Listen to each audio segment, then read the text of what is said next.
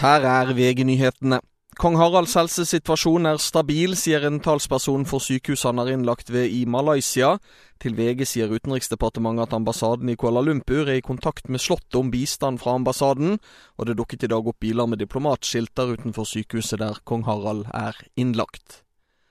Fremskrittspartiet mener det er grunn til å rette sterk kritikk i habilitetssaken både mot tidligere statsminister Erna Solberg, men også tidligere utenriksminister Anniken Huitfeldt og nåværende statsråd Tonje Brenna, som kun fikk kritikk av flertallet i kontroll- og konstitusjonskomiteen. Omfanget til, um, i saken til Erna Solberg den virker mye større, men det har også litt med den informasjonen som er gitt til Stortinget i hennes sak kontra Anniken Huitfeldts sak. Prinsipielt så mener vi at det er riktig å likebehandle, og at begge to fortjener sterk kritikk. Sa FrPs Hans Andreas Limi.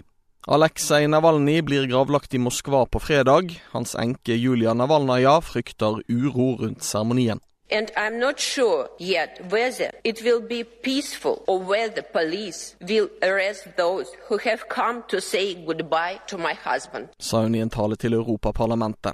En norsk turist er funnet død på hotellrommet sitt i Tyrkia. Politiet har startet etterforskning, og avdøde skal obduseres. UD er kjent med dødsfallet. I studio Thomas Alsaker, nyhetene får du alltid på VG.